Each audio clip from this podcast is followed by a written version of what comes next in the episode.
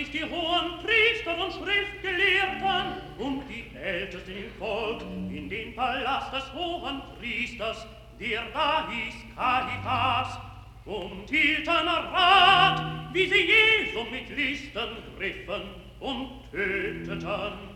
Sie sprachen aber,